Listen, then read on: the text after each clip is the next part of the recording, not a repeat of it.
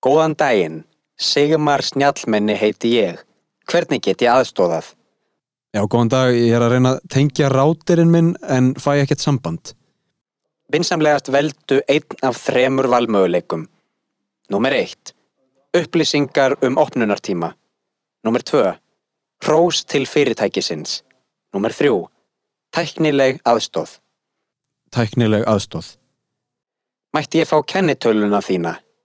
2301873668. Mætti ég fá reikningsnúmerið þitt? Af hverju þarftu það? Ég þarf það ekki, vildi bara spurja. Ok, en hvað á ég að gera með rátirinn? Samkvæmt okkar bókum er kennitalan þín ekki skráð fyrir ráterþjónustu. Hvert er heimilisfangið? Skarfarlíð 7, 105 Reykjavík. Neðstahæð, ekki kjallari, bara jarðhæð. Frábært, ég fann þig. Hvernig get ég aðstóðað? Ég er að reyna að tengja rátirinn en það virkar ekki. Hvernig ráter er þetta? Það veit ég ekki, e eitthvað Huawei. Er eitthvað númer á honum? Já, það er öruglega eitthvað númer á honum. Það er öruglega fullt af númerum á honum. Hva, hvaða númer viltu?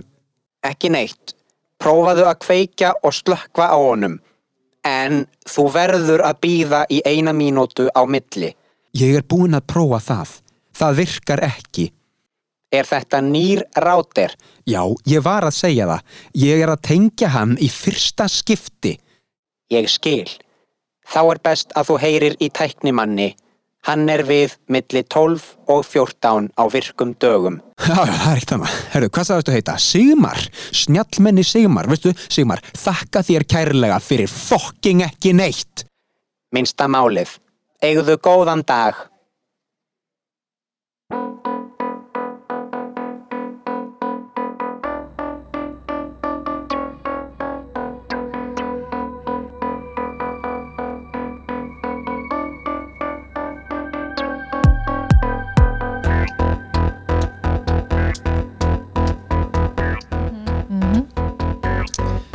Gott fólk, verið velkomin í þátt númer 2020 af heimsendi. Uh, þetta er sögulegur dagur af því að hingað eru komnir uh, tveir góðir gestir.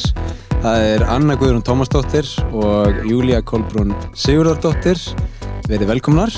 Takk fyrir. Hello. Sögulegur dagur af því að, að þið eru fyrstu dansararnir sem, sem komið í Hey. þann- þannan þátt. Verið velkomnar. Takk fyrir. Takk fyrir. Sko, ég myndi vilja hérna bara byrja á því að, að fá smá kynningu ef ykkur er sama. Uh, tvær, þrjá setningar, eitthvað um ykkur. Mm Ég skal byrja. Uh, já, ég heit Anna. Uh, var að útskrifast sem dansari í LHI. Um, og núna er ég bara að reyna að finna út af því hvað ég vil gera við það. Mhm. Þessa gráði sem ég er með. Og um, hvert það mun leiða mér, veit ekki. Ég er rosa í lausu lofti þannig að þetta eru bara einu satningarna sem ég get sagt um mig núna. Við erum náttúrulega að sigla inn í gig-hagkerfið eins og ég hef talað um í þessum þáttum. Verkefni og verkefni og Já, við getum ákveðið okkur, þú veist, ég veit ekki, mánuð fram í tíman eða eitthvað. já, Það er akkurat. eiginlega málið, sko. Oh my god, já. Jú. Þetta er bara, já, viltu fá þetta gig, uh, ég með þetta verkefni, viltu vera með í því og síðan núna er eitthvað að sigla í gegnum þessi verkefni Mhm. og þessi gig. Mm Það er hann að átta sig á hvað maður er einhvern veginn. Gekkjað, uh, Júlia. Já, ég, ég heiti Júlia Kolbrún Sörðóðir og var líka útskrifast sem dansari úr LHI. Við erum bekkisistir. Við erum bekkisestur Mhm. og já, uh, ég er eiginlega bara á sama blaði og annars sko. Um, það er svona, maður getur annarkvort bóka sig viku fram í tíman eða eitthvað svona fyrir næsta ár Já. eða næsta haust. Uh, maður er eitthvað, sækja mér pröfur og reyna að vera dansari og reyna að uh, minna sig á það að maður er listamæður að dansari. Það er Mm verðist vera svona mitt megin markmið þessa dagana Það er göfugt markmið. Uh, Ertu að tala um sko að minna sig á það því að það er erfitt svona beint eftir útskrift eða út af COVID líka eða bæði. Ó, bara bæði, Bæði, sko. bæði að því að þú veist, maður er eitthvað svona útskræður úr eitthvað svona svakalega miklu prógrami þar sem það er bara 8 til 5 á hverjum degi Mhm. bara dans, dans, dans, maður bara í fulli formi, reyfa sér hverjum degi og síðan skapandi verkefni skapandi verkefni maður, er að- en síðan kemur maður út í eitthvað svona alveg heim og þarf að búa til sína eigin stundatöfli já, bara sínar eigin leiðir. Og reyna að finna leiðir til að dansa líka í þessu COVID er alveg erfitt af því að það er, mm það er ekki mikið. Þú veist, er- persónlega er ég ekki búin að dansa sem í, í eða svona álfuru í kannski svona þrjá mánuði eða eitthvað. Uh -huh. og ég er bara að byrja að vera eitthvað oh my god, ég er ekkert dansari lengur. Það er bara eitthvað svona fáránlega mikið imposter syndrom já, Já, já, já, já, já, ég meina, ég tengi, ég tengi, þú veist, þegar maður er bara eitthvað í einhverju skrifstofu vinnu, skilur við, þá er maður bara eitthvað, já, ég, ég er nú reyndar leikari hérna, skilur við. Eitthvað, ég er bara þjótt, en ég er samt, ég, lo, ég er dansari sko. Já, já, já. ok, hvað er eitthvað sýningar að koma? Ne nei, er en ég er samt dansari Já, það er líka góð spurning sko Býtur já, hef ég séð því einhverju? já. Nei, ég veit það ekki Já, ok, þetta er hérna það eru sko áskoranir sem er að mæta okkur en ég ég segi alltaf að það sé bara það sé bara gaman og hérna svona, Mhm. að einhverju leiti allána það við, er erum, við erum fyrsti árgangurinn sem sem göngum í gennum COVID Aha. og, og komum út uh, on the other side sko Mhm. en, en hérna við erum, að, sko, við erum samankomin í dag til að ræða kannski svona tvíþætt þema það er annars vegar samskipti Mhm. og með þá tengingu við samfélagsmiðla og, og, og samskipti framtíðarinnar og svo er það hins vegar háskólanám uh, sem mér finnst mjög, mjög áhugavert sko að skoða, er framtíð í háskólanámi, þurfa allir að fara í háskólanám, þú veist, eitthvað svona. Um, en ég held að við byrjum kannski bara svona almennt á heimsendi. Eru þið meðvitaðar um heimsendi, eru það að pæla eitthvað í, þú veist, einhvers konar heimsenda dagstælega? Sko, já, Uh, en samt líka ég er rosalega mikið að pæli, það er eitthvað svona, það er, það er mikið breyting í loftinu, Mhm. það er eitthvað að fara bara shifta bara mjög bráðlega, ef ekki við erum nú þegar byrjuð í eitthvað svona massífur breytingu, finnst mér Mhm. þannig að annarkvært er alltaf að fara að sluta mm eða við erum bara að fara að ég veit ekki, lifa einhvern veginn allt öðru sem við erum við vönn -hmm. Við lýðum svo að það er allan, all, það er allan ekki að fara við erum ekki að fara tilbaka neitt sko. það er, mér finnst samt svona allavega seinustu tvö árin kannski búin að fara smá tilbaka en þá þú veist við erum búin að fara tilbaka til þess að fara áfram einhvern veginn til að þú veist að Já, ég skil, ég skil ég meina, þú veist eins og þegar Trump var fórseti skilur við, Mhm. til dæmis þá fór allt til fjandans. Þú veist, það var mjög mikið step back. Já, Og- við veitum þetta líka bara út af samfélagsmiðlum þá vor, þú veist, var allur heimurinn með uh, því sem var að gerast í Ameríku skilur mm og um, þú veist bara með allar upplýsingarna sem við fáum í gegnum síman og í gegnum fréttir og í gegnum þú veist, interneti einhvern veginn bara svona allt það tók svo mörg skref tilbaka en mér finnst eins og það hafi svona opnað augun okkar á hvernig samfélagið er. -hmm. uh, og bara svona opnaði augun flestra um, já, bara hvernig um, hvernig einhvern veginn systemið virkar og er óréttlátt og einhvern veginn þannig. Þannig að við þurfum að taka og breyta það. Mm mm -hmm. Mér líður líka eins og að samfélagsmiðlar séu að bara bara expósa allt, Allt. Hvernig, hvernig segir maður það í íslensku? Expose svona, Vinda ofan af- já, nei, vinda hérna, ofan já, af svona Ópenbera, Já. ópenbera það er bara svona, það er verið að ofinbura allt, þú veist, allt er að koma einhvern veginn upp á yfirborðið -hmm. Mhm. og þú veist, þetta er allt svo in your face að því að afsækja ennskuðslættunar en Mhm. hérna já, allt svona mjög onímanni hvaða samfélag okkar er skrítið og meikar engan sens og Mhm. óréttlátt og Já, það er áhugavert sko með samfélagsmiðla því að, að hérna þeir einhvern veginn lifta upp því, bara jæðrinum, skilur, Mhm. eða þú veist sína Já. bara það sem er mest krassandi Aha. og erfitt og, og svona líklegast til að koma af stað einhverju heitri umræðu Aha. þannig að það er svona, það er kannski bæðið að versta og það besta við þá mm Mhm. En þú veist, persónulega þá myndi ég ekki lesa ykkur að frétt sem að er ekki um neitt Nei.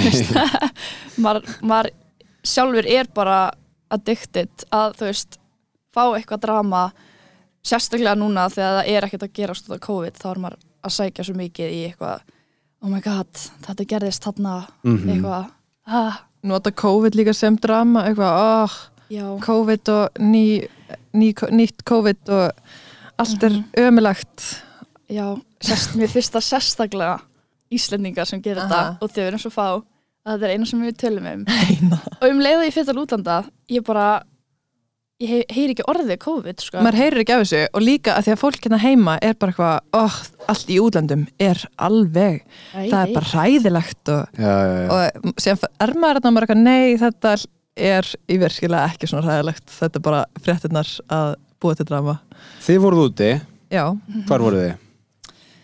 já, ég er búin að- já, ég búin að vera úti til smá Út um já, allt. ég er búin að vera úti um allt. já, ég er líka búin að vera út um allt aðeins minna en, en sant já, við vorum svo sagt fórum í, fórum í sumar, ég fór við fórum í sumarfrí sumarfrí tveir mánuðir tveir mánir, já, og já, ferðast bara, já. um það var það Austuríki, Frakland Mhm. Monaco, Holland. Holland já, um, smá svona fórum í rútuferð frá Cannes til París ég mæla ekki með, aldrei 14 aftur. uh, síðan aftur þá fórum við aftur til þetta var í sömar, síðan aftur í oktober fórum við til Austuríkis og Hollands. Og síðan varst Já. þú að koma aftur heim núna. Já, við erum svo satt búin að vera eitthvað að fara í uh, hérna pröfur. Pröfur. Mhm, um, náttúrulega minna af því núna COVID. Mhm. En maður bara grýpur hvert tækifæri til að fara í pröfur mm -hmm. ef það er þannig eða þú veist Já, já. uh, ef við fáum að fara þar að segja ef maður fær bóð ef maður fær bóð Já, út af því að þú veist, ég er búin að vera í tölvunni að senda e-maila og senda umsóknir og yfirleitt sko 90% 90. tilvika fæ ég því miður við getum ekki tekið við út af COVID. Já, Einmitt. það er Þú- 90% dýrð á eigu skilur Já, og við erum já. ekki að, þú veist, það er ekki gerantí að þú kemst. Einmitt. En líka- eitthvað, "Ah, jú, ég kemst. Já, en já, það er svona sem er að hindra. Og síðan þegar maður fær búa þá er maður eitthvað já, ég verð að fara. Einmitt. Já, ég minna þetta er ótrúlega erfitt sko. Uh, gott, og, gott og slæmt að búa eigu Já. um, kannski gott ef það kemur heimsendir eða þú veist, en það er náttúrulega smá heimsendir sem í það er heimsendir í gangi núna sko. Já, er já, allan þetta er hægt að rólega enda sko. En hvað hérna ef það væri ykkur annar skiluru heimsendir? Ef, ef við tökum bara að því að við erum að ræða samskipti og, og netsamskipti og samfélagsmeila og allt þetta dót. Ef það myndi slökna öllu mm bara tæknin myndi bara deyja. Já, ég held að krakkar myndi bara ekki vita hvað ég deyja þetta krakkar myndi virkilega að því að þeir, þeir bara að, það er verið að ala upp með iPod í hendina áður en þau sko geta mm þú veist farað fyrir appir sko. Geta er er ekki, er ekki þú veist alltaf dæmi um sko krakkar fá okkur bók já, og þau eru bara að reyna að svæpa svona. er það þeng? það er eitthvað þeng sko. Þau eru bara endalist í, Oh í bara einhverjum God. tækjum. Þannig að ég Já. veit ekki, þú veist, ef að allir samfélagsmiðlar og allt netum myndi þetta niður núna þú veist, jú, kannski svona veist, við myndum bara ekki geta survivað. Nei, það er ég- bara ekki sens það er ekki sens við bara notum uh, Google Maps svo mikið uh, þú veist, ég get ekki rata neins þar annars að vera með Google Maps til dæmis. Mm -mm. uh, ringt í fólk. Já, þú veist, það er bara það er ekki hægt ég veit ekki hvað myndi gerast. Það er svona, ég, síðan, veit maður ekki að því að þú veist við erum náttúrulega búin til til að aðlast aðstæðum þannig að við Mm. myndum til að aðlast einhvern veginn. En þú veist, þegar maður hugsar út í þetta það er maður bara, þetta er ómögulegt. Heimsendir.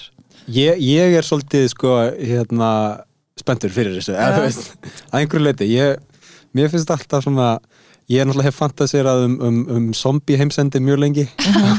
Já, einhvern veginn sko hvað ég myndi gera og hvert út á landi ég myndi fara, skilur og vera bara með veiðistöng og svona uh, Þú ert svoleiðis Já, karakter. ég já, er þú- svolítið þannig, sko. Þú, þú myndi þú myndi lifa af sko. Ég veit ekki með 99% en sko, en, en mun, þú veist, þetta er eitthvað svona um, þegar COVID var að byrja til þess og allir voru bara eitthvað heima hjá sér. Og fólk vissi ekkert hvað átt að gera.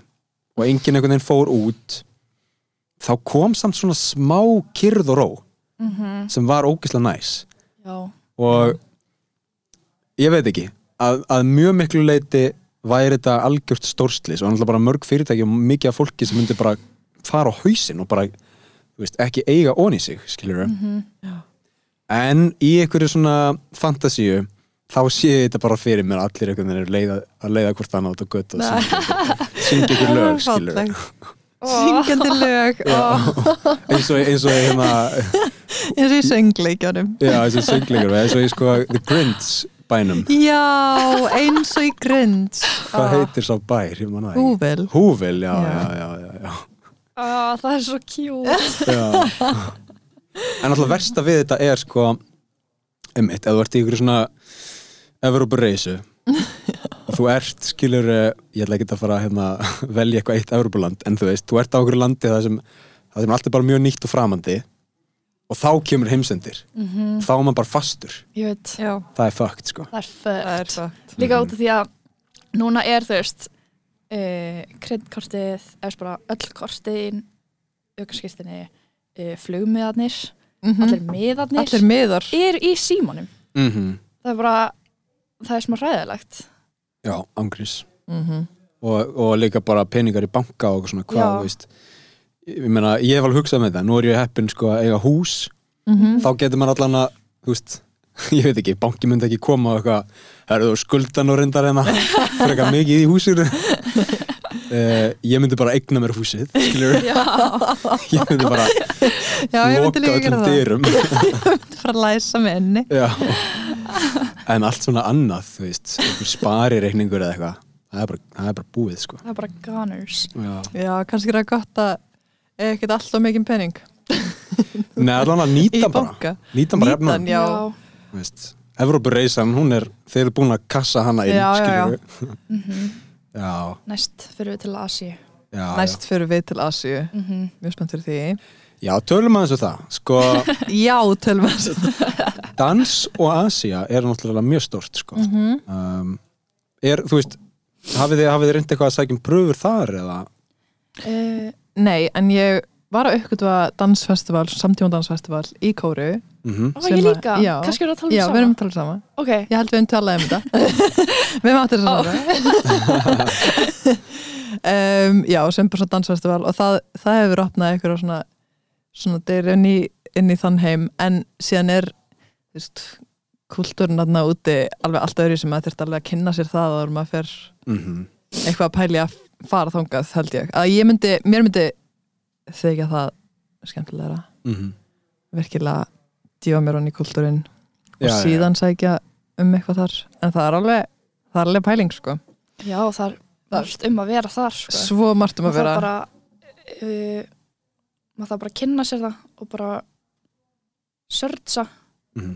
og hérna þú veist, maður, við erum með svona nokkra síður, þú veist, svo dance opportunities dancing og opportunities eitthvað, þá kemur svona, þá fær maður upplýsingar þú veist, hvar eru auditions og hvar er open call og eitthvað svo les og mjög sjaldan kemur eitthvað frá Nei, Asíu. er vanlega bara í alveg já, þetta er eiginlega bara mjög e, eitthvað pínu bandaríkjunum.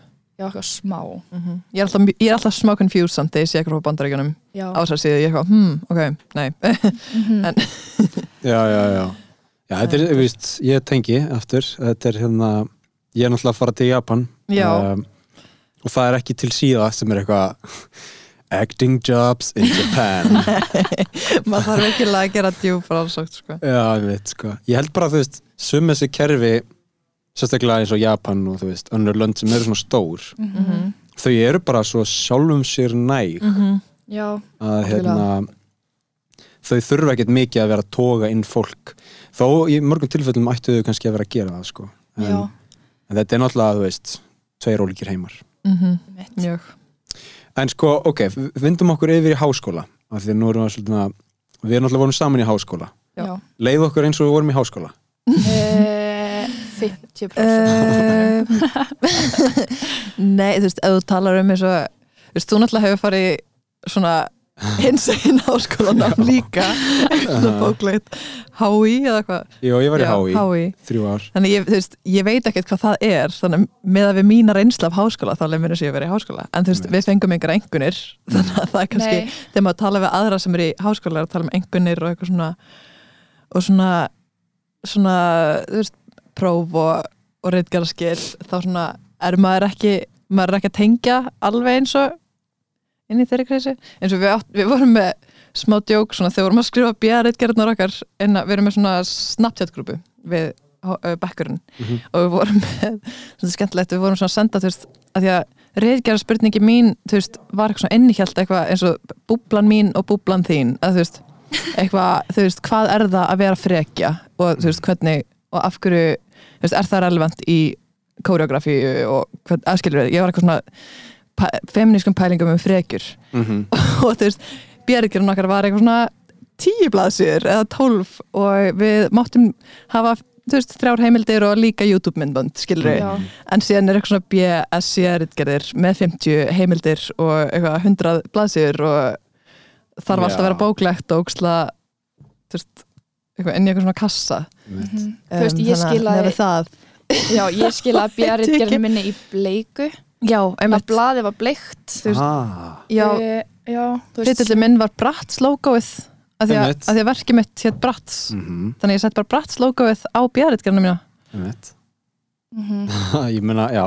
Því, því, það var eiginlega skemmtilegt af því að við vorum með svona við sendum svona inn á milli svona, þú veist, dæmi um BSC-ritgerð og síðan dæmi um lista háskóla en að björritgerð en ég meina, okkar ritgerðum fylgja náttúrulega verkefni. Já, og þú veist að einhver leiti myndi ég segja að okkar háskóli væri jafnvel meiri háskóli heldur en hinnir háskólanir sko. Já. Eða, þú veist, Já, af því að við þurfum náttúrulega að mæta í skólan já, já, við þurfum að vera í skólanum og líka eins og þið segið frá 8 til 5 já.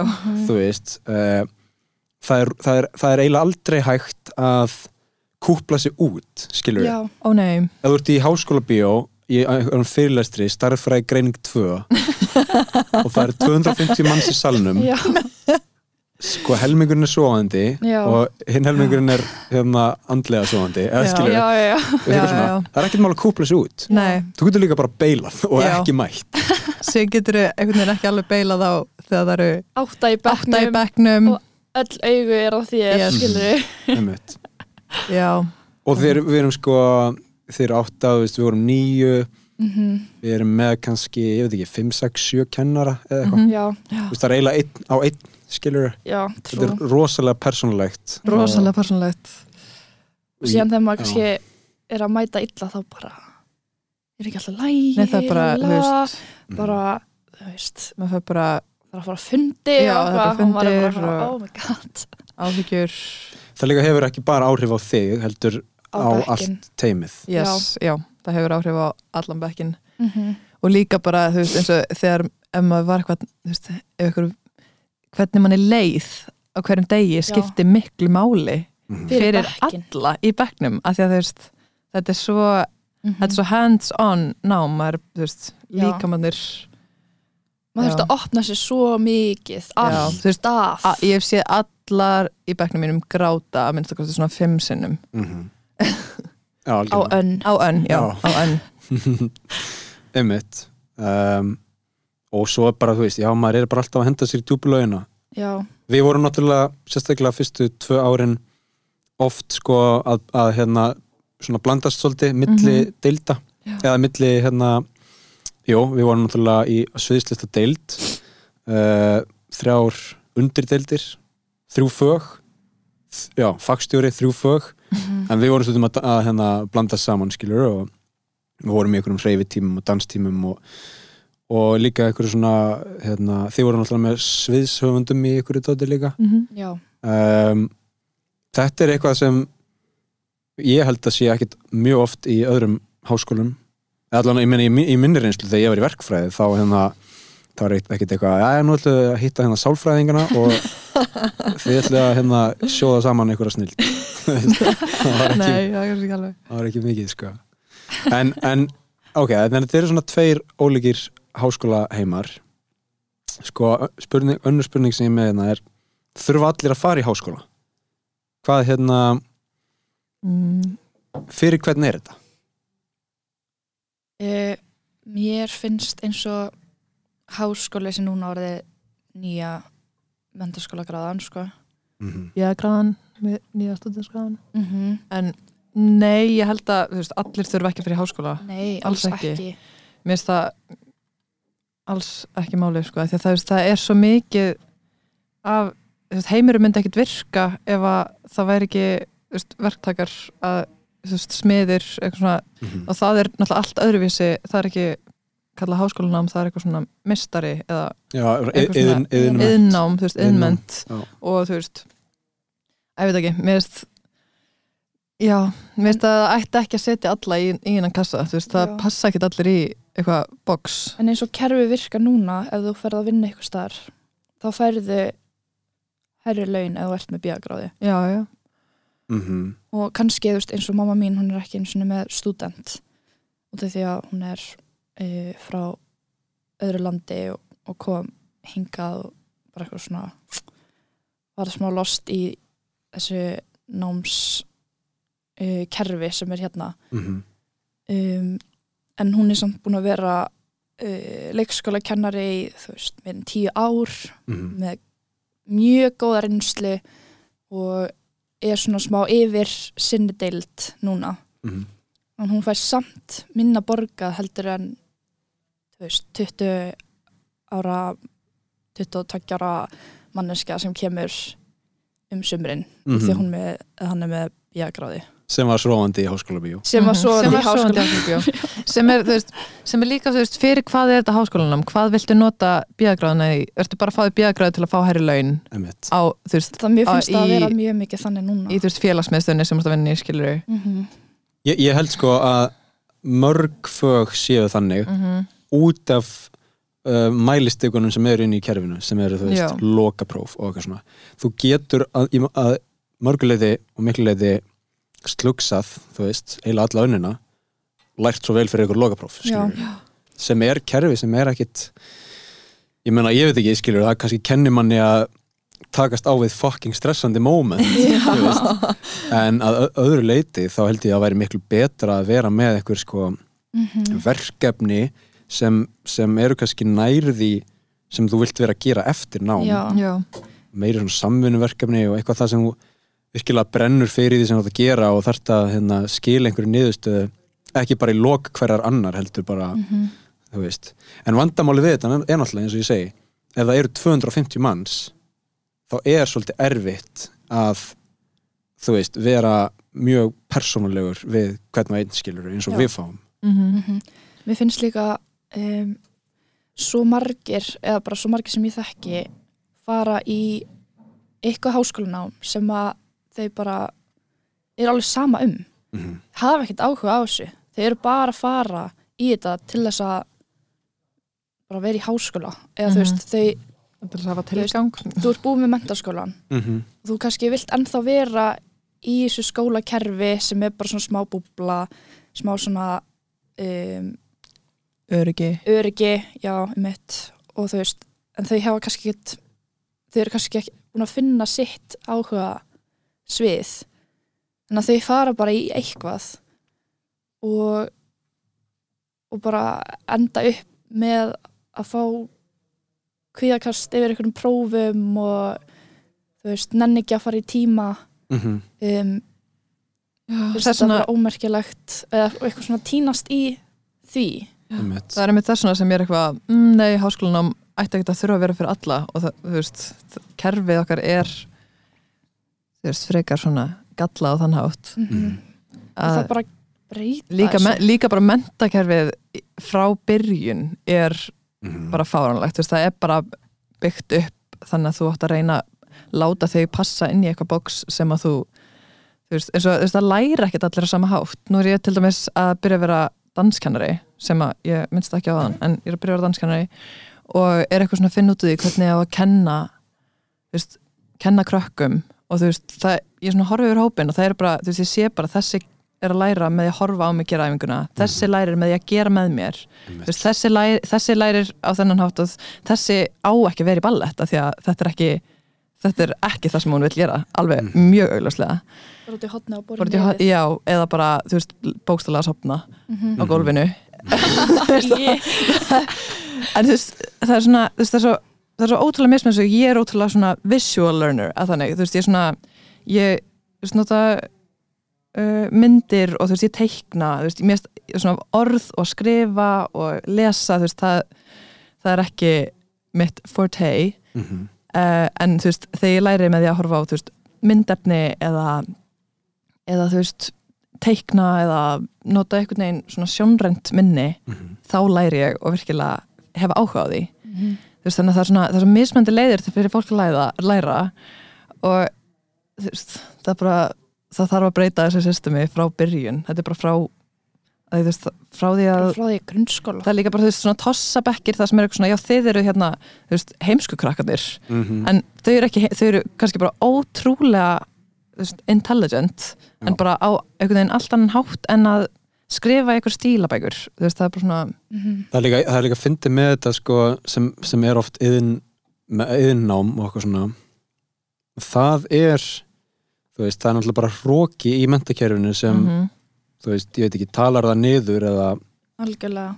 En það sem mikill. það sem er áhugavert við yðinnám er sko að það er oft það sem er að, það sem er að mæta grunnþörfum einstaklingsins, eða þú veist. Mhm, það er, það er sko matur, skilur Mhm. það er hérna matreðsla og húsasmíði og veist, að tengja allt húsið og græja það á meðan skilur ég meina auðvitað er eru ímis fög í háskólanum mjög mikilvæg þú veist um, en sum þeirra eru ekki að tækla grunnþarfinnar mhm. skilur við þannig að það er, er mjög áhugavert að yðnám fá ekki meiri hérna, aðtikli og, og sé ekki sko, fleira fólk sé ekki hvað til að fara þá átt af því að það er bara, þú veist, hands on veist, það er bara, það er svo oft sem fólk fattar að mun setna í lífinu að það er það, það er það sem þau vilja gera veist, Mhm. búin með eitthvað að taka eitthvað bjögrað í sálfræði og, og er bara, síðan eftir það nám bara kannski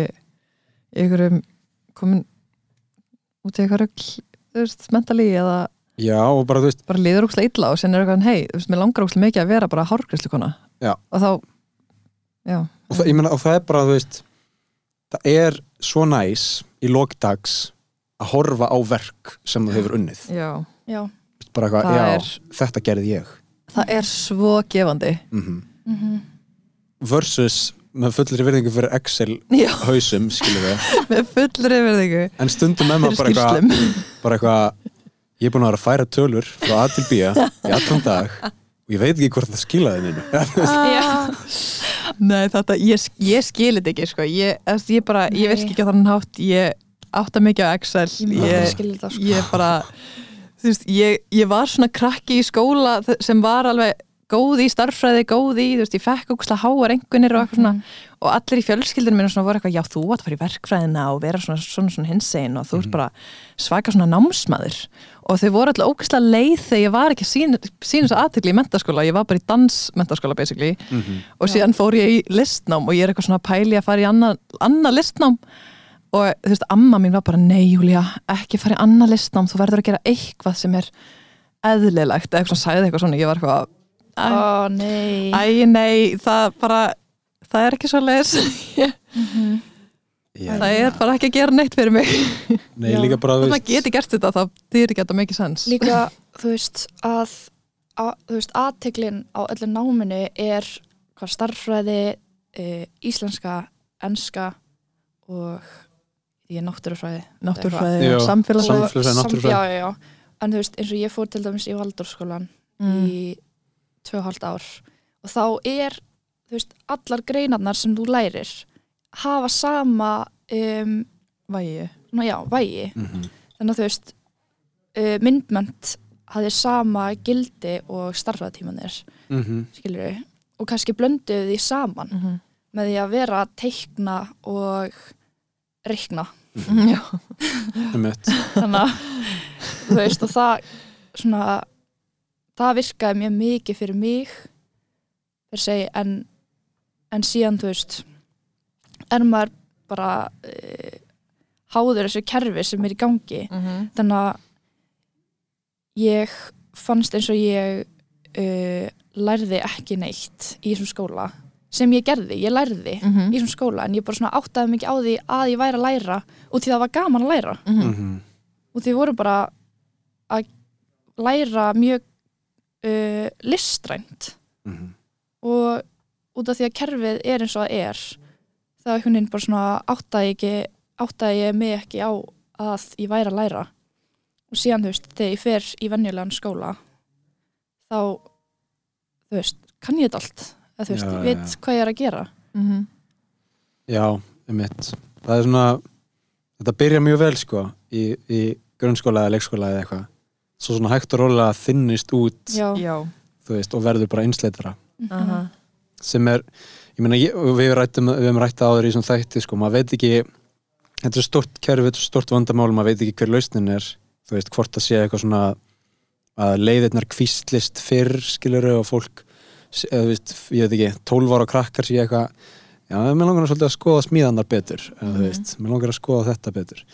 Og svo getið það komið aftur inn í hefðbunna, maður veit ekki hver lausnin er, en það, það hérna þurfa einhverjir mjög skapandi heilar að vera pæli þessu. Já, Um, líka, ég held líka að þú veist, þegar þú ert 12 ára og þú ert bara í þessu vennilega skólakerfi þá eru, þú bara finnur það að það er og vist að íslenska og enska uh, starffræði og náttúrufræði, samfélagsfræði hefur mesta vægið mhm. og listgreinar eru bara eitthvað svona nei, þú gerir það bara át því að til að fylla inn í þessa stundatöflu þannig að þú áttar þér ekki á þú veist, 12 ára að þú getur actually orðið smiður eða þú Mhm. getur orðið e, dansari já, því að þetta er bara eitthvað svona sem er hobby eða Já. eitthvað Ég þannig. meina eins og þú veist, þetta, verður líka á því hvernig umhverju þú elst upp í af því að þú veist, eins og ég el- elst upp í eins og ég segja áðan að þú veist, allir eru eitthvað að hvetja mig í eitthvað svona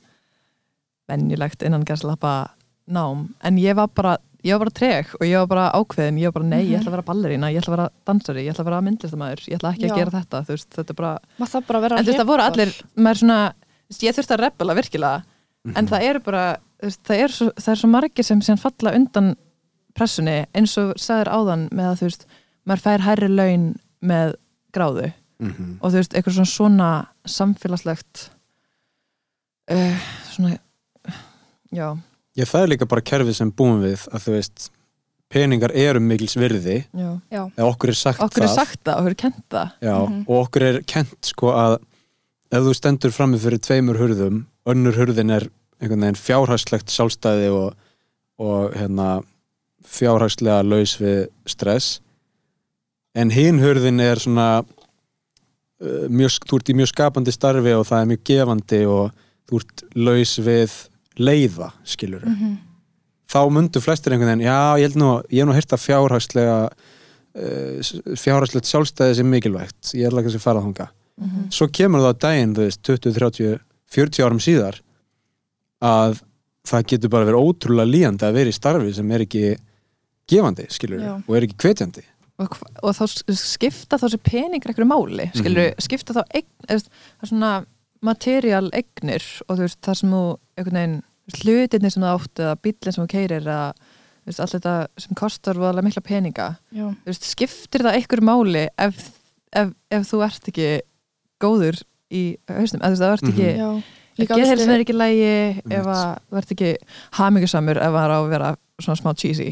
Mhm. já, já, en þú veist, já líka bara viltu lifa lífinu einu uh, þannig að þegar þú vaknar þá ertu bara, oh, ég þarf að fara í veist, þetta er bara my allt worst nightmare. líf, já, já, það er ekki hægt sko. Síðan derðu bara. Síðan Já. er ertu bara. bara búin og það, líka það er að veist, Já. af hverju myndi hverju skipta peningar svona mjög máli? Ég myndi eiga andanum og þá þú veist, skiptir ekkert máli lengur. Já, og, og kannski fyrir en síðar sko. Já.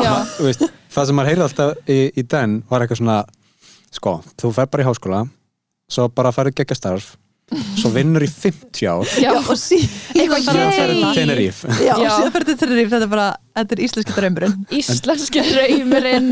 En þú veist, hvað, hvað er við eigum bara 25 ára eftir já, Já, þú hvað, líka- hvað ég degi á morgun. líka Hvað- þessi peningar þeir eru bara farnir ef heimurinn endar. Já, og þú ert bara búin að eigða þín lífi í einhverju ógislega leiðilegri vinnu. Mhm. safna þessum peningu og síðan eru þeir bara gone. Þeir eru bara, og hvað, og hvað bara- þá? og hvað nú? hvað Nú ertu bara búin að lifa leiðilegu lífi ógislega og lengi síðan deyrðu bara. Já, síðan bara rest in peace my man. Bye goodbye. Já, nei, það er áhugavert sko. Um, En við erum náttúrulega einhverju liti heppin samt á Íslandi að búa við kerfi sem leifir manni að sko gera mistök eða sko já, velja oft, til dæmis í háskóla þú veist, ég meina, ég veit ekki hversu marga ég, vini ég á sem skiptu þrísvar eða fjóru sinnum. Mhm. þú veist, þannig að þau fundi eitthvað sem þau fíluðu það er eitthvað sem getur ekkert gert í bandaríkjunum. Nei, við erum náttúrulega í mjög privileged stöðu bara á Já. allan hátt. En það er svona þegar maður hefur þetta þann, þetta privilege, hvað íslenska orðið aftur? forréttindi. Þegar maður hefur þessi forréttindi þú veist, nýta það eða láta gott að sleiða eða skilur mm ég, þú veist, mér finnst ekkert að því að hérna gefið að fólk geti gert það sko að fara í, þú veist einhverja reysu, fara síðan í eitthvað háskólanám, jável eitthvað flip, skiluru, Já, skrá sig bara í, þú veist uh, í Esperanto eða eitthvað skilur eitthvað svona rugl. Um, að því ég held að sko ef að hérna kannski ef að kerfið þróast í aðeins svona fjölbreyttir átt og fleiri fög fá jafnara vægi, þú veist Mhm. að þá geta alveg verið valid pæling að fara bara í eitthvað, vitandi að það sé bara eitthvað Mhm. þess að maður þarf ekki alltaf að velja háskólanám eða nám eftir því sem maður vill nákvæmlega gera Já, Þú veist, Ég er ég, það er svo mikið pressa Já. það er svo mikil pressa Ó, það er líka spurningin eitthvað svona hvað vilt verða þú verður stór Mhm. bara þetta er spurning sem maður fær þegar maður er sko sex ára Mhm. Mhm. eins og ég veit ekki hvað ég vil gera þegar ég er sex ára ég meina er bara hvað ég vil vera prinsessa þegar ég verð stór. Já. þú veist. Bara ég vil vera bleikur kött. Ég vil vera bleikur köttin. Vakam, eða kvót vakamús Já, sýsti mín sagði þetta sex ára, ég vil vera bleik kissa með glimmel. Já, bleik, var ekki kettlingur Jú, Jú, jú, hún vil vera er stór. Sko, eftir nokkur ár þegar, þegar hérna, genatæknin og erðafræðin er orðin svo háþróið þá er þetta bara hægt. Það er bara hægt. Já, Vaka einmitt getur bara uppfyllt drauminn sinn. Já, uh, já, ég Anna reyndar sem kemur að námi ekki háskólanámi en svona grunnskólanámi meira þá þegar ég var að kenna þessum litlu krökkum fyrsta sinn og það var einn stelpa sem var kisa hún Mm. var bara ég er kisa. Og allir voru sammála um að hún væri kisa. Þú veist, hún sagði þetta ekki með orðum við mig Mm. en það voru allir bara já, þú veist að hún er síðan kisa. Og ég var bara auðvitað og þau eitthvað svona síndi mig hvernig þetta láta við hana, ég var svona gaf hendina fram og hún var eitthvað, mm, eitthvað svona þú veist, hún var bara kisa. Og ég var bara we're here for it, skilur við þetta er bara, þetta er geggja. Já, þannig að kannski, kannski er þetta eitthvað að þróast ég veit það Já. ekki. Ég meina ég var vampir þegar ég var lítill. Já, einmitt. Já, ég gæti ekki að tala við drauga og ég var bara, já, það eru það eru draugar hér. Þú veist, það, það er svo mikið ímyndunarafl í krökkum sem er langar að geta verið, já þú veist að krakkar getur bara embracea þetta og þess að drepa það niður í eitthvað svona kerfi sem Já, lætur þau þvinga sér inn í eitthvað kassa sem að þau þurfa ekkert að vera í. Mhm, og síðan, síðan áttar maður, maður áttar sér alltaf á þessu á endanum. Já. Það er alltaf, það kemur alltaf moment þar sem þú ert eitthvað að þú veist, veist, finn, já, ég er ennþá í dag bara eitthvað vil ég vera dansari eða vil ég vera þú veist, þú veist hvað er dans? koreografer eða ég, þú veist, ég er ennþá bara eitthvað, ég veit ekkert hvað ég vil vera, en þarf maður eitthvað ákveða? Er maður ákveða, þarf þetta að vera ákveðið? Ég veit það ekki. Já, það þarf ekki. Nei, ég held að þurfa ekki og ég held að það sé líka allt í lagi að gera bara eitthvað eitt og gera svo bara eitthvað annað. Já. gera svo bara eitthvað aftur fyrsta það er allt í flæði og, og eins og við vorum að tala um í byrjun veist, að, það er meira um þessi verkefni og, yes. og, og líka bara í skólanum. Við lærum náttúrulega að gera margt annað en það sem við lærum við lærum bara að vera skapandi einstaklingar sem geta unnið í hóp og geta unnið Mhm. að margvíslegum verkefnum. Mm sem ég held sé rosalega dýrmætur eiginleiki. Þú veist, eins og Já. þú segir hvað maður, að ætla maður að segja við skilur barn sem er kísa þetta er rugglið þér drengur, þú ert ekkert kísa þú ert manneskja, homo sapiens og drepa bara alla veist, og af hverju myndum við að gera það? Nei, það, það, þú veist. Maður bara þú veist, já gefur hendin út og veist- hann að þefa höndinni, skilur Þú veist, þessi stelpa var bara er minn helsti innblástur bara núna, núna. Núna í lífinu ég er bara, oh, þessi litla stelpa hún, hún virkilega gaf mér von. Aha. ef hún getur verið kissa, þá getur getur, þú verið dansari. Ef hún getur verið kissa, þá get ég verið hvað sem er. Já, bara virkilega. Það er líka svo gott sko að hópurinn sé orðin svona tals, Já, talsmaður. Það var svo fallegt og sér var einn sem líka vildi vera hundur en hún var samt ekki alveg hundur eins og hún var kissa. Þú veist, hún var bara svona ég stundum hundur þegar við erum að leika. Einmitt, einmitt, en þú veist, það var alveg, þú veist, þetta var alveg dýnamík. Og síðan var svona einn mamma í hópnum hún var alveg endisleg, hún var bara, hún var að kenna mér skilur hvernig að hafa mér með kissunni og Mhm. Endislegi krakkar, sko. Ég, ég er alveg, ég er að fíla þessa, ken, þessa, þessa kennslu, sko. Mhm. vera kennari, það er líka ah, það er svo skrítið eitthvað, já, ég er, með, ég er með dansgráðu og núna get ég verið kennari. Já, um, það er mjög mikið það, er, það er rosa mikið þannig á Íslandi bara dans, Mhm. a- allir, eða svona, flestir dansarar er, fara eitt, á einn eða annan hátt eitthvað tíman að kenna. að kenna. Mhm. einhvern veginn, bara deila sinni reynslu Já, það er ekki bara gott, ég meina þetta er ekki svo mikið af fólki. Nei, þú veist, mjög það- lítil sena en ég veit ekki hvað er margir verkfæringar sem útskrifast hverja ári, það eru rúglega hundrað eða eitthvað. En þú veist, það er hvað, sex dansarar? Er þetta ekki, þú veist skilur tvö ára mótið þremur? Jú, Jú. að meðaltali sex, sjö dansarar á ári eitthvað svona, mm mm þetta er manna takmörkað auðlund já, um, en við erum svolítið komin í sko samskiptin. Já og svona hvernig þau hafa breyst um, fólk má vera kísur og svona, það er mjög jákvætt. En hvað, þú veist hvaða, sko, hvaða minnstrum hafið þið tekið eftir í svona hvernig samskipti hafa þróast síðust ár, sérstaklega með tilkomu samfélagsmiðla og netmiðla og allt þetta? Mm, Mér finnst bara eins og sé komið bara svona nýtt tungumál inn á netið. Eða þú veist, Já. það bara þetta er bara eitthvað tungumál sem einhvern veginn allir vita af. Já, Og- allan í ákveðnum aldursflokkum. Já, þetta skiptist í, Já, þetta skiptist með árunum skilur við, þetta er svona þessi hópur er með svona taktík og þú ert aðeins eldri þá er, gerir þetta og eitthvað svona. Og, en samt einhvern veginn, þú veist, eins og uh, allavega okkar kynnsláð mm. er einhvern veginn bara búin að ákveða þetta þetta er hvernig þetta virkar. Mm -hmm. þú veist, þetta er leim þetta er ekki leim, svona þið gera ekki svona. Þetta er bara komið eitthvað svona nýtt tungumál og Mhm. nýtt eitthvað svona þú veist, við erum búin að færa body language inn á netið. Já, og líka bara svona svipriði og já, Já, já, eins og með Snapchat og eitthvað þannig bara svona, Mhm. þú sendir svona mynd af þér og skrifar síðan hvað þú ert að hugsa. Eða eitthvað Mhm. svona, þú veist. Og síðan ef þú gerir svona svip þá ertu ekki alltaf leim Ef þú gerir þennan emoji já, þá ertu leim, en ef þú gerir þennan emoji fyrir þessa, veist tilfinningu, þá mhm. ertu cool. Eða eitthvað, það er svona Já, líka svona við vorum að, um að tala um áður en við komum hingað eitthvað svona fólk sem er búin að búa til sitt já, hvernig þið tala við fólk. Eitthvað svona sem að kannski fáir gera. Já, svona, að fá ekki að svona, sem taka eitthvað svona listrana ákverðum um að, þú veist, bara nota svona bróskalla sem eru tvípuntur og svegi og aldrei nota emoji Mm. emojis. Og þú veist, þegar það hjarta þá er það svona goggur og þrýr eða eitthvað svona, þú veist, það er Mhm. maður getur spotta svona okkur persónuleika inn á samfélagsmiðlunum. Já, og þetta er bara eitthvað svona sameilegt tungumál sem einhvern veginn við höfum aðlast mm Já. En, og, og þú veist, er, hversu skörp eru skilin, skilur, er þetta eitthvað svona ef maður er ekki á öllum þessum meðlum daglega þá er maður mjög fljótur að missa af og bara Já. dett já, út. algjörlega Ég tók alveg tímabil sem ég var eitthvað fuck Instagram, ég ætla að hætta. Og þú veist, það endist í svona mánuð mm. síðan var ég eitthvað, ok, ég verður að fara aftur inn á. Og því að ég er að missa af öllu, einhvern veginn.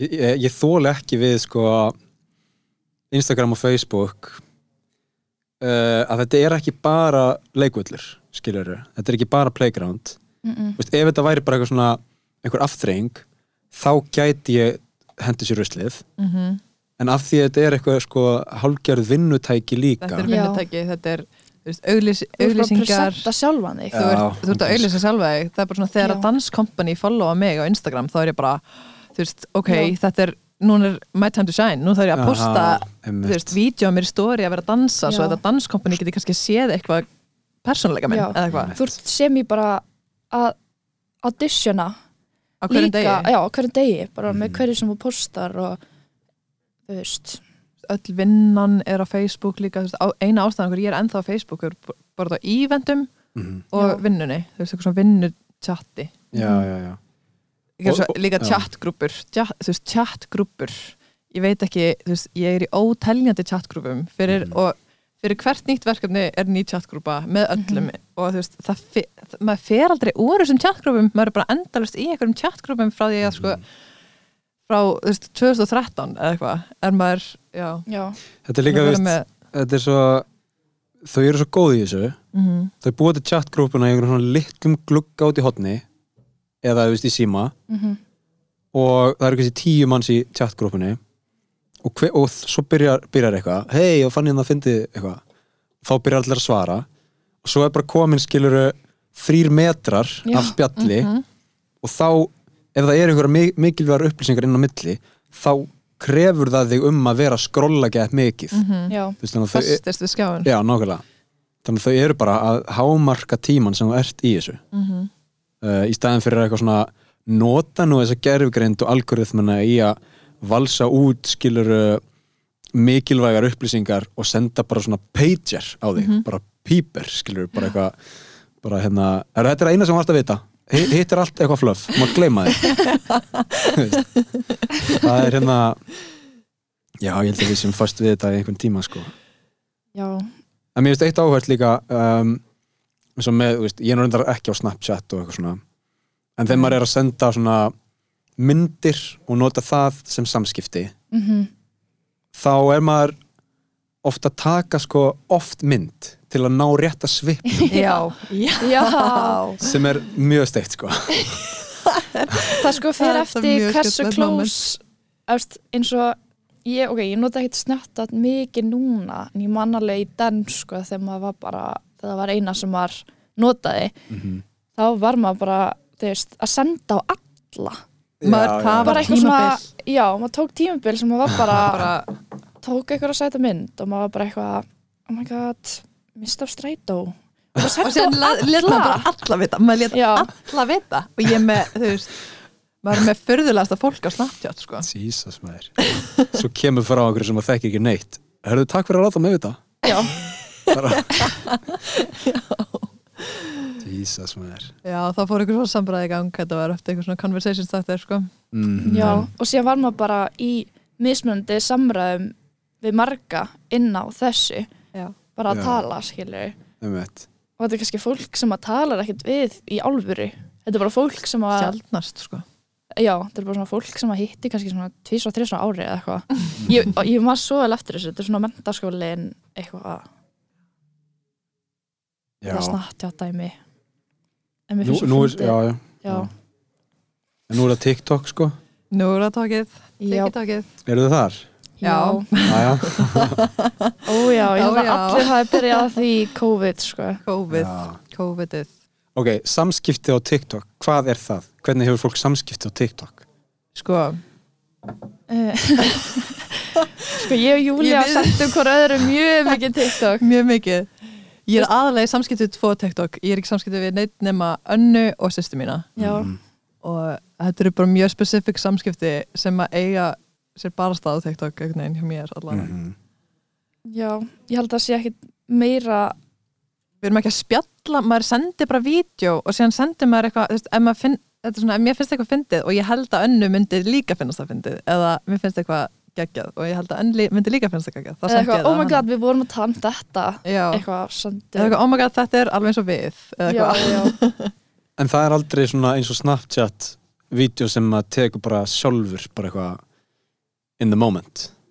Mm, Nei, uh, er það ekki meira pródúserað Jú? Jú, ég myndi er segja það sko. production, sko. Þetta er alveg svona, maður finnur eitthvað audio og maður er eitthvað, ok, ég ætla að gera þetta. Eða þú veist, lærir eitthvað dans. maður læri dans eða? Eða eitthvað svona það concept er alveg nokkra tökur, skilur maður er alveg, eitthvað, þetta oh my er god, með við tími ætlum sem að gera þetta. Já, eitthvað svona er með vinnu sinum Já, maður við er eitthvað, tókum- hei, gerum þetta. Mhm, þá er eitthvað nokkra tökur. Mhm. bara eins og að gera eitthvað litla stuttmynd eða þú veist, þetta er og að gera litla stuttmynd sko. Mhm, eitthvað, já, þú gerir þetta, þú segir þetta ok, uh, ég ætla að vera með flass, ok, eitt og go mhm. Mhm. síðan bara, en þú veist, samskiptin eru þá í rauninni meira bara, þú veist, þetta er svona eitthvað svona for you page sem er algoritmi, algoritmi Mhm. uh, sem er, re- reiknar bara út það sem að þig langar að sjá Mhm. og hvað Og- þú hefur áhuga og á hvað þú hefur áhuga á en síðan, þú veist já, ma, þú veist, ég er ekki að sjá mikið af vídeoum frá vinum mínum eða eitthvað svona svoleiðis ég myndi segja að samskiptin inn á TikTok væri meira þú færð um, þú færð einhverja upplýsingar frá mm Mhm. vídjón sem þú serð og þú veist, þetta er kannski ekki direkt samskipti eins og með Snapchat þegar þú ert að tala við mannesku in real life eða svona, Mhm. þú veist, þú Já. sendir og manneskjan sendir þig tilbaka en þú ert bara að fá fullt bara hundruð vídjó mm -hmm. af fólki vera að tjá sig, vera að gera eitthvað fyndið, vera að sína þér brot af sínu lífi, skilur eða vera eitthvað já, eins og þú veist mjög mikið upplýsingum um bara heiminn í dag er ég bara búin að fá frá TikTok, TikTok. Ég er búin að læra hellinga TikTok. Það er hellinga, þú veist, maður, maður, maður er að læra uppskriftir og það er svona uppskriftir sem verða trendi á TikTok Mhm. og síðan er allir, síðan kemur maður og heitir fólk. Og þá, þá er það svona ákveðins conversation startar líka svona, já, ertu búin að prófa þessa uppskrift sem allir er að tala um? En er, eru þið búin að prófa hana? Já, já, já, Já, ok.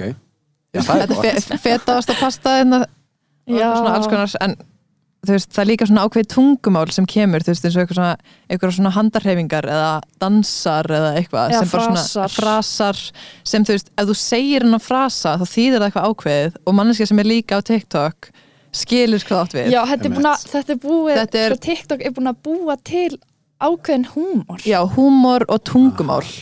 Þú veist, það var svona þessi, þú veist, það var handarhefing sem bara allir voru að gera og sem bara Mhm. þýtti ákveðið ákveðið svona statement, þú veist, þú gerðir þessa handarhefingu og þetta Já. kom bara frá TikTok þú veist, líka ákveðin Já. svona ádió og lög, að því að þú veist fólk á TikTok býr til svona veist, hljóðbút úr lægi, mixa lögum saman og þú veist, það er svona ákveðið sameilegt tungumál sem allir á TikTok einhvern veginn eru búin að já, læra Sko, þetta er svo vonlust fyrir utanakomandi Þetta er vonleist, það. sko, ef þú ert ekki TikTok þá skilur ekkert hvað við erum að tala um. Nei. Nei, maður líka, veist, maður er ykkur matabóði eða eitthvað.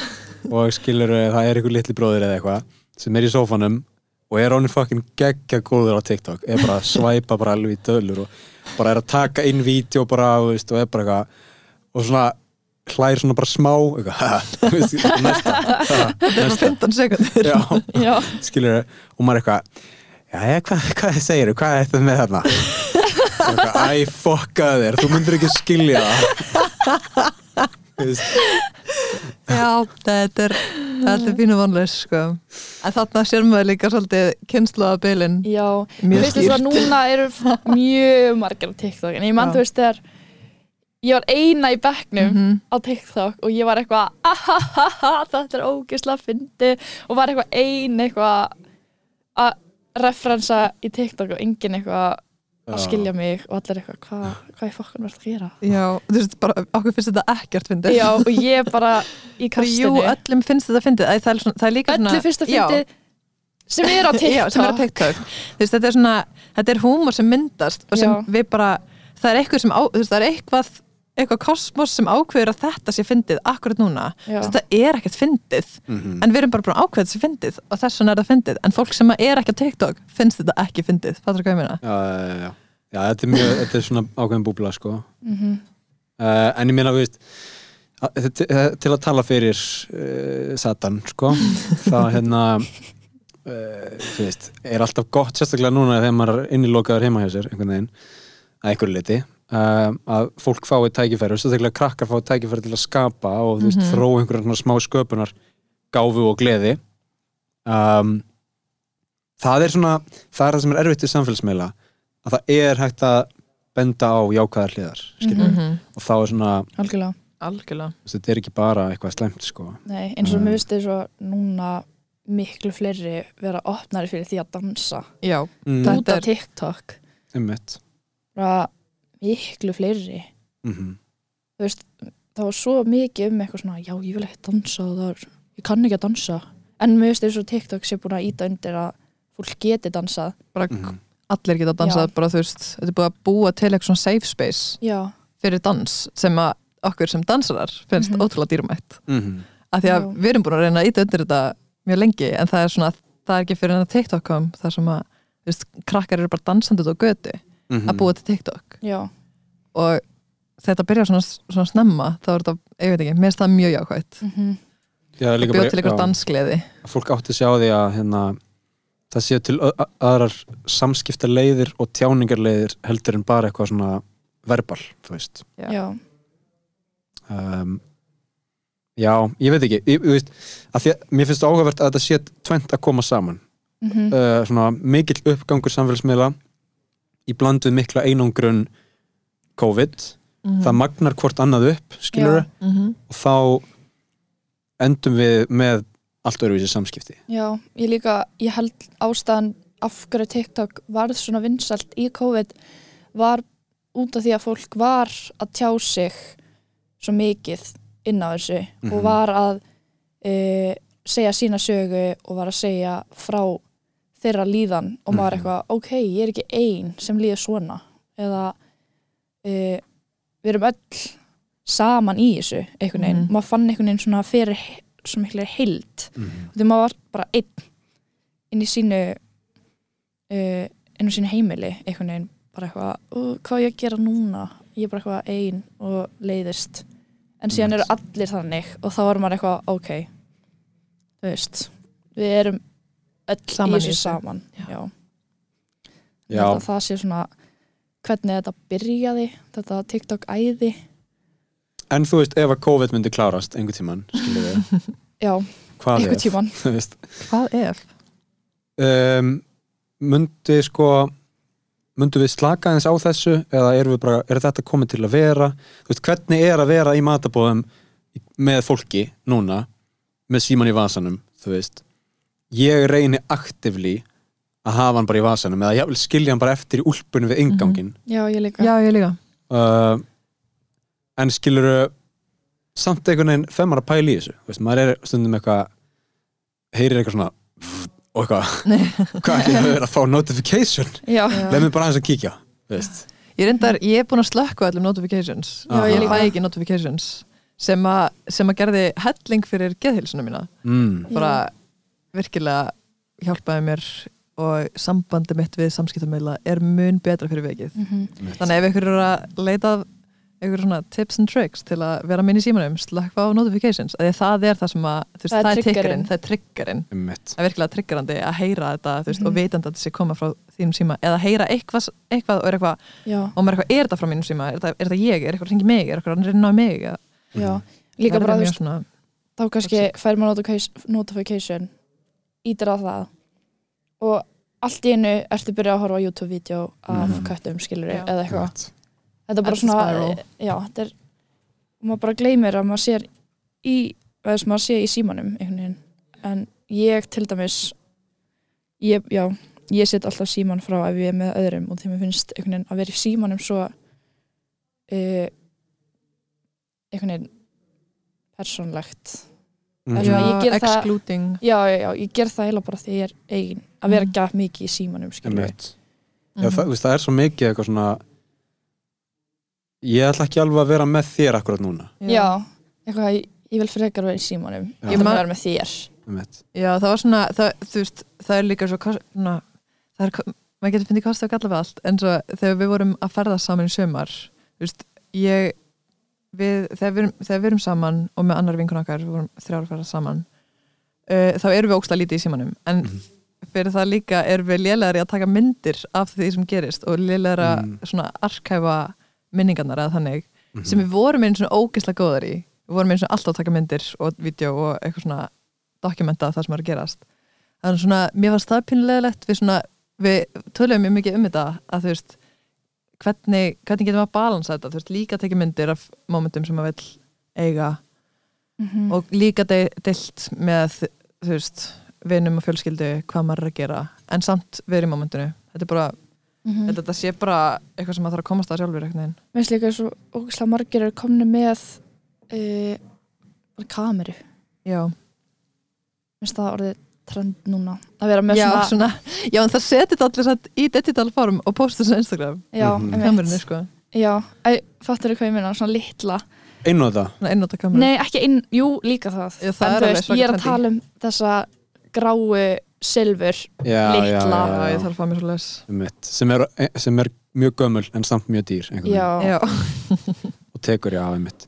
Sko, já, það, hérna ég, ég var rosa mikið að dokumentara, sko.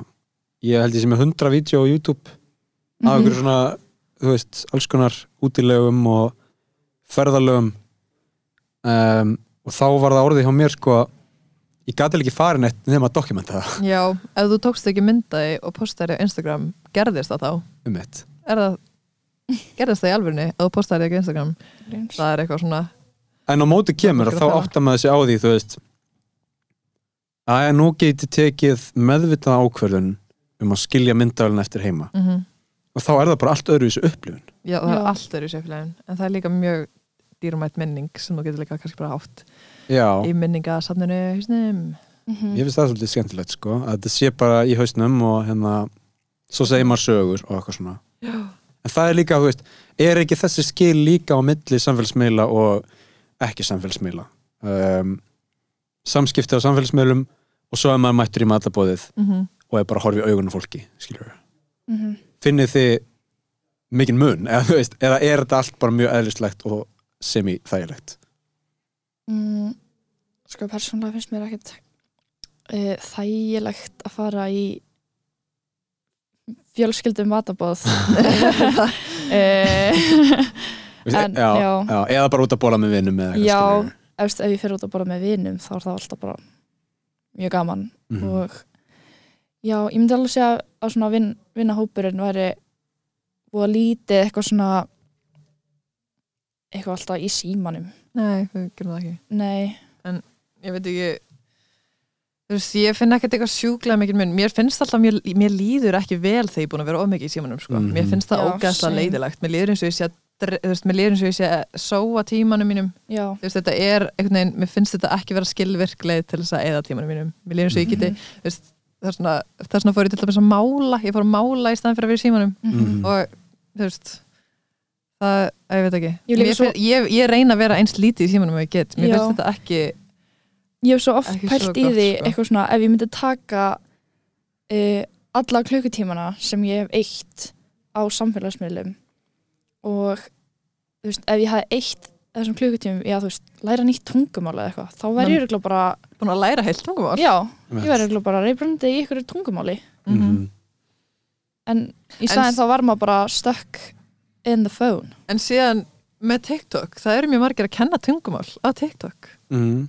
Ég hef landið þegar að fólk sé svona deila tips and tricks á hvernig að læra ymslegt skilvert á Mhm. TikTok, ég veit ekki. Þetta er, veist, þetta er bara ákveðin balans sem maður, maður þarf svolítið að vera meðvitaður um það að þú veist, síminn er ekki lífið þitt en líka, þú veist, síminn má alveg vera partur af því, Mhm. eða þú veist, eða samfélags, samfélagsmeðlanir Einmitt, og líka því þetta er vinnutól þetta er vinnu, vinnutæki þetta er, þú veist, maður fær maður fær auðlýsingar um hluti sem maður vill vita, maður fær meiri þekkingu maður getur deilt með vinum fjölskyldu hvað maður er að gera eða ef maður er sjálfur að auðlýsa eitthvað. Og síðan, þú veist, en bara ég veit ekki, að finna eitthvað balans þarna á milli, Mhm. mér finnst einhvern bara svona allt Lífs og- gott í hófi. Já, allt gott í hófi. Þannig að þið eruð í grunninn bjart sínar með framtíðina. Þú veist, jafnvel börn sem alast bara upp í þessu og engu öðru. Haldið það sé einhver tímapunktur það sem krakkarnir þú veist, segja bara Jæja, þetta er komið gott Nú ætla ég að fara ég hérna veit það ekki ég, ég á erfitt með að ímynda með það af því að þú veist, eins og við ólumst ekki upp með tækin en Mhm. við en við hérna sem, þú veist, úlingsárun okkar fóruð að, að uppgötu þetta Mhm. af því að þú veist, þetta kemur þegar við erum eitthvað þú veist, að nálgast úlingsárin Já. þá er þetta að mæta stert inn hérna Instagram og Snapchat og eitthvað Mhm. en, en við, þú veist jú, það var, þú veist, litlar að, þú veist, svona Mhm. byrja að læra á tækin og maður var með eitthvað svona flipphone til þess að ringi mömmu Mhm. en þú veist, krakkar sem er eitthvað að fá iPad í hendunar uh, áður en þau þú veist, ég veit ekki læra að segja mamma þá ég veit ekki hvernig það myndi þróast, þú veist, ég Mhm. Ég er, uh, ég er að vinna Mm. núna í frístund Já. sem að taka inn uh, krakka í þriða og fjóra bekk og ég sé mjög mikið að þau þau eru sko öll bara tala ennsku fullkomlega já, þau tala ennsku fullkomlega Já. og bara svona frasana líka þú veist, Mhm. frasarnir sem að eru notaðir í uh, Ameríku þú veist, þau eru bara með það veist, það er ein stelpa sem að er uh, frá Ameríku Mhm. og þau eru öll bara eitthvað, ok, should we go þau tala með svona, já, já, já, þú veist, American hreimin líka Prime. já. eitthvað ok, Jenny, uh, should we go outside? Og maður er bara eitthvað, what? þú veist, Oh my god, that would be awesome. Uh, let's, let's do that. Yeah. oh my god, that's so awesome. Já, já, en líka eins og ég man mjög vel eftir þegar við vorum í, vorum í Salzburg og ég var í, í strætónum þar og það voru svona litlir strákar þrý litlir strákar að tala saman á Mhm. ennsku þú veist, þau voru bara legit að tala saman ennsku og þá var líka svona, já, ok, þetta er ekki bara Íslandi þar sem krakkar eru að veist, læra ennsku svona snemma út af samfélagsmiðlum Það er bara það er bara allir. allir. eru bara út af samfélagsmiðlum að tala reyðbrandi ennsku fyrir mm áður en þeir læra að tala sitt eigið tungumál. Já, sko þe- þegar ég ólst upp þá var þetta ekki normið. Nei. þá þetta var, var, sko en, þetta var svona að koma inn þegar að hvernig ég man eftir mínu uppöldi út af. Disney Channel. Já, já, já, já. það var svona Mm, já, en ég man samt alveg eftir að þú veist uh, þegar maður var í grunnskóla og það voru eitthvað þessi tvei krakkar sem töluðu ennsku við hvern annan og þá var maður það var bara, maður var það, var, eitthvað, what? það var hrigalegt maður var eitthvað "Hvað- af hverju er það að tala ennsku þið kunnið íslensku eitthvað, þetta er rugglegt maður myndi skilja ef eitthvað væri ekki íslenskur. En það voru alltaf Já. þá voru bara tveir íslendingar að tala ennsku saman. Maður var alltaf eitthvað, what? En eins og núna, hvernig við tölum núna í dag, Mhm. ég er að henda inn ennsku slettu ég tala bara meira ennsku en íslensku Já. lífinu sko. svona 50% já, algjörlega en líka því að námið okkar var á ennsku Já. og við hefum ótrúlega marga vini sem eru, þú veist, tala ekki íslensku Mhm. mm og Já. lendum, lendum í mjög miklu drama innan Becksins út af út af þess út af þessu oh my Ok. god, það eru, það, þú veist uh, bekkjarsystur okkar sem eru ekki frá Íslandi eru bara með tráma af, þú veist, ein, ein sem er frá Finnlandi veist, við fengum smá svona tilfinninguna að hún bara, veist, fekk bara tráma út af því að við töljum íslensku og ekki ennsku, hún svona fekk alveg svona ah, þegar hún heyrði íslensku. Það er þeng, sko. Mm ég bara, þú veist, já. Ég meina við, erum, við vorum sex frá Íslandi og tvær, frá, ekki, ekki frá Íslandi. Mhm. Og, og þú veist meiri, meiri hlutin talaði íslensku og þá kannski tölum við íslensku við einhvern annan eitthvað. Oh my god e, þú veist Jón gerði þetta senstu helgi og við bara eitthvað, oh my god, við veitum alltaf hver Jón er eða þú veist, ég er bara að segja eitthvað en, og við byrjum að tala um þá því að við, við höfum alltaf alveg upp á Íslandi, Íslandi og einhvern veginn við, þú veist erum með svona sama knowledge af fólki og einhvern veginn svona hvernig allt virkar. Og þá, þú veist byrjuðum við stundum að tala íslensku út af þú veist, ykkur svoleiðis og og ekkert eitthvað þú veist, að reyna að loka fyrir hinum en það bara gerðist óvart Mhm. því að þetta er bara okkar mál einhvern veginn Mhm. og þannig byrjuði svona já, drama ég Drama. þekki þetta mjög vel, sko það er hérna mjög hákrafa að tala ekki móðurmál sitt í kringum annað fólk. Eða þú veist um, líka af því að sko eitthvað svona, eitthvað svona smá spjall milli tíma já, það er rosalega mikilvægt. Eða veist, það er Mhm. rosalega, maður er bara einhvern veginn svolítið að pústa út líka og, og veist, koma ykkur frá sér og tala um hlutina og svona. Mm og uh, þú veist, það er bara já, það er bara hákrafa, það er bara frekar erfitt að vera alltaf geðvitt inclusive, skilur já, en á móti kemur það er náttúrulega líka mjög erfitt að hérna, skilji ekki einu sinni að umræðuefnið tengist mér ekki neitt og það er mjög þú veist, eitthvað svona. En þú veist, auðvitað fött, veist, við þurftum bara að læra það einhvern veginn. Mm uh, við byrjum að þetta, var, um þetta var meira svona í byrjun. Já, já, já, einhvern veginn að koma sér inn í hann gýra náma okkar var alltaf og, og og núna þurfum við bara að fara að tala ennsku bara alltaf. Veist, inn í end þá vorum við bara að tala ennsku alltaf þótt að þær voru ekki til staðar.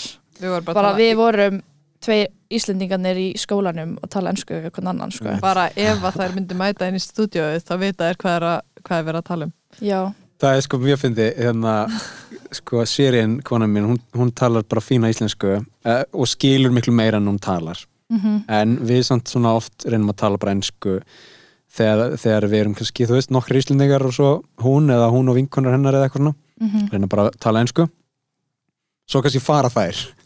Þá er maður eitthvað well, so uh, Icelandic.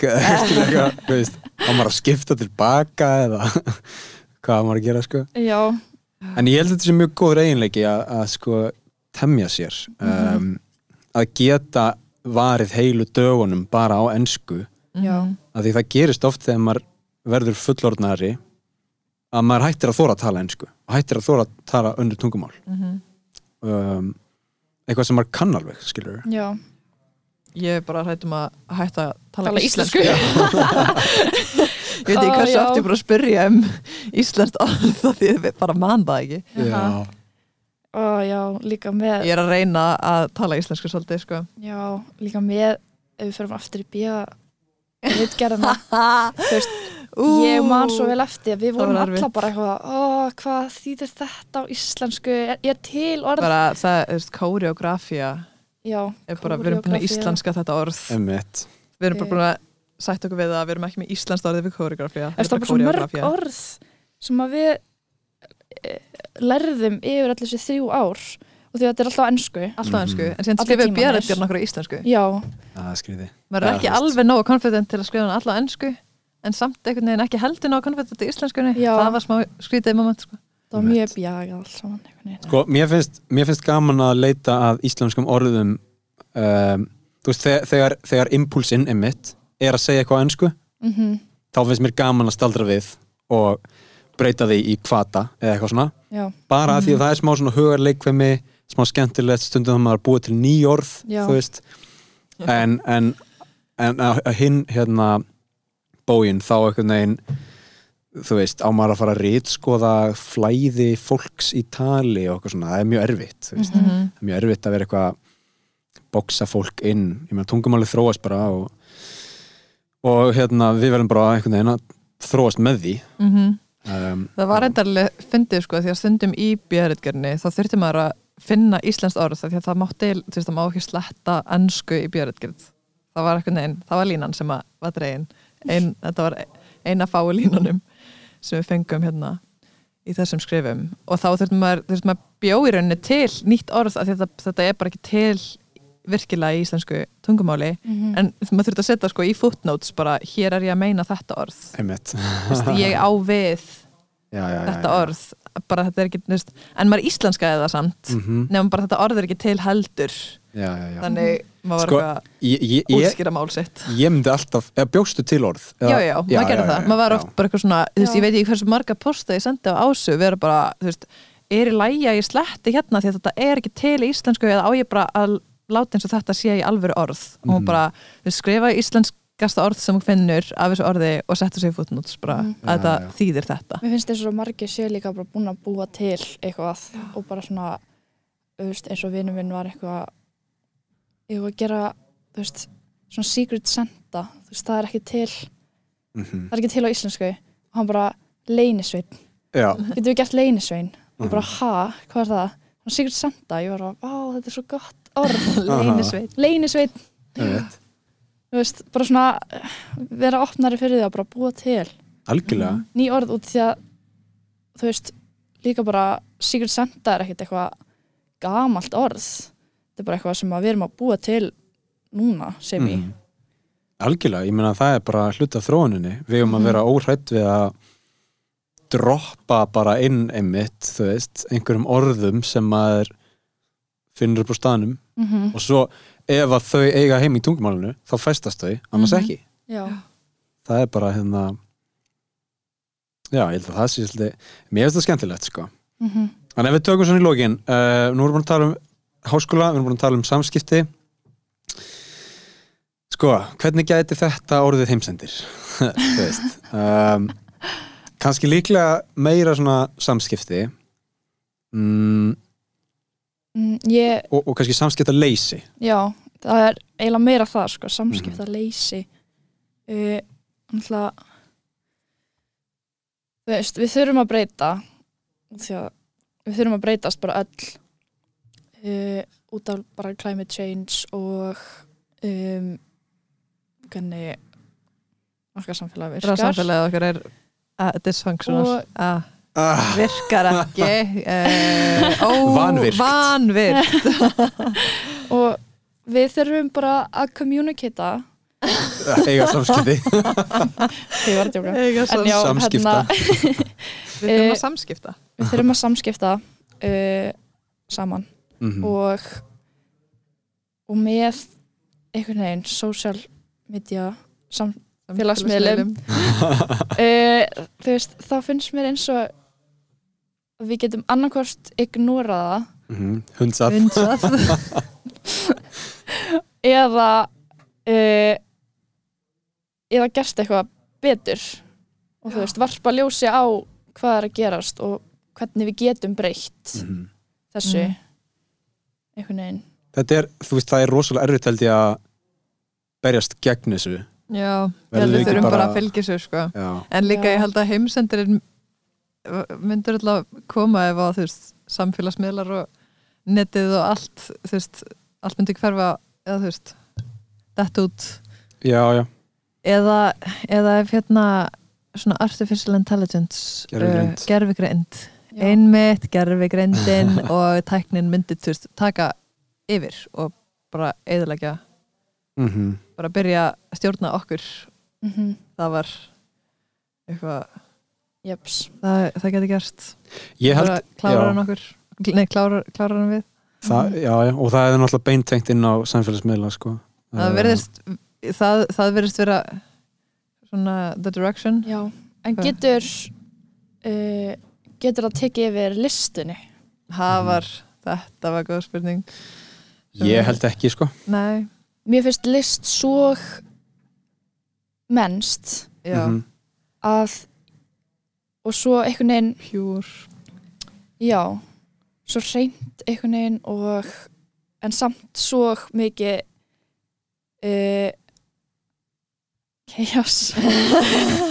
Óreiða. áreiða að, þú veist, ég held að gerfugrindin geti ekki tekið yfir listina nei, ég er bara að segja þú veist ef að gerfigreindin myndi bara taka yfir og eðalegja okkur, já, skilur og síðan myndi bara heimurinn farast og jörðin myndi springa eða eitthvað, ég veit það ekki Vist, ég, ég held að gerfugrind gæti búið til tónverk, skilur og getur Já. gert það og ég held að gerfugrind gæti skrifað eða þú veist, gerfugrind og ekki gerfugrind bara skilur einhverju svona algoritmar og reiknirít gætu hérna í gegnum svona machine learning Mhm. gætu búið til alls konar stöf já, þú getur alveg búið til fullt af dóti Já. og list og allt þannig en einhvern veginn það sem gerir listana svo áhugaverða er að við erum að skapa hana. Mm -hmm. frá þú veist, manneskjarnar eru að skapa þessa list. Og, Og- og sérstaklega þegar við stöndum fyrir framann já. yes. og já, þú horfir kannski á málverk og þú ert bara vá, þetta er veist, manneskja bjóð þetta til einhvern veginn. Og það er svona eitthvað sem gefur listinni miklu meiri líf. Mm -hmm. já, en ef einhver robot væri eitthvað að búa til. Það er bara eins og Instagram já, sem reyndar er núna mjög mikið bara fólk og fólk og fólk og eitthvað svona. Mm en Instagram byrjaði sem einhver svona allir voru komnir með sitt svona ljósmyndara portfóljó eða þú veist, mm -hmm. Mhm. allir voru eitthvað svona að keppast um að taka góða myndir. Mhm. já, og þú veist, þegar, þegar Instagram sprakk út þá, þá var maður eitthvað svona herru, hvað frægur ljósmyndara ert að fylgja? Þú veist, já, tjekka á þessum hann er með geggjaða myndir. Þú veist, þetta var eitthvað svona dót já, já, já, en á sama skapi þú getur fundið sko einhverjar fara fínar myndir það er ekkert eitthvað sama og fara á ljósmyndasýningu eða þú veist, nei, tala við artistan á bakvið að, já, þú veist, eða, eða upplifa. upplifa, þú veist, mm. þetta er bara ekki það sama. Nei, þetta er alls ekki það sama. Maður getur líka hort á þú veist, dansverk eða leikhúsverk þú veist, upptöku af því en Já. það er bara ekki kemst ekki í snertingu við að vera live audience hvað segir maður? já, já, einmitt, bara lifandi, Lifandi á viðburð. við skulum vona að hérna, lifandi viðburðir verði hérna, leifilegir á næsta ári Já, Já. já, það væri óskandi það væri Það væri Óskandi. óskandi verandi hérna þáttur í, í lifandi listunni. Já. Mhm. hvernig væri fullkomið 2022? um, COVID væri bara farið. Mm -hmm. Já. Búndur Asjúreisa Asjureisa Já, Já, ég er svo til já er það ekki? Jú, ég er mjög til já Ég kem að heimsækja ykkur í, í kóri Já, við komum að heimsækja ykkur í Japan. Japan. Japan Anna Guðrún Tómasdóttir og Júlia Kolbrún Sigurðardóttir. Við þakka ykkur kærlega fyrir komuna. Takk fyrir að fá Takk okkur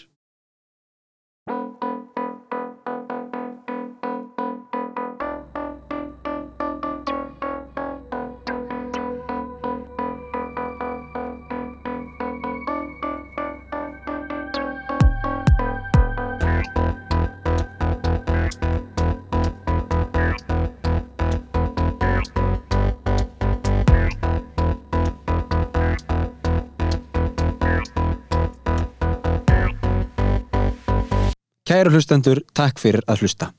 Nú er heimsendir komin á vísi.is Þangað setjum við stuttarklippur, tíu mínúna klippur, einur hverjum þætti, uh, eitthvað svona bitastætt sem þið getið kjamsað á, á meðan uh, þið býðið eftir næsta þætti eða ef þið hafið ekki tíma til að taka heilan þátt.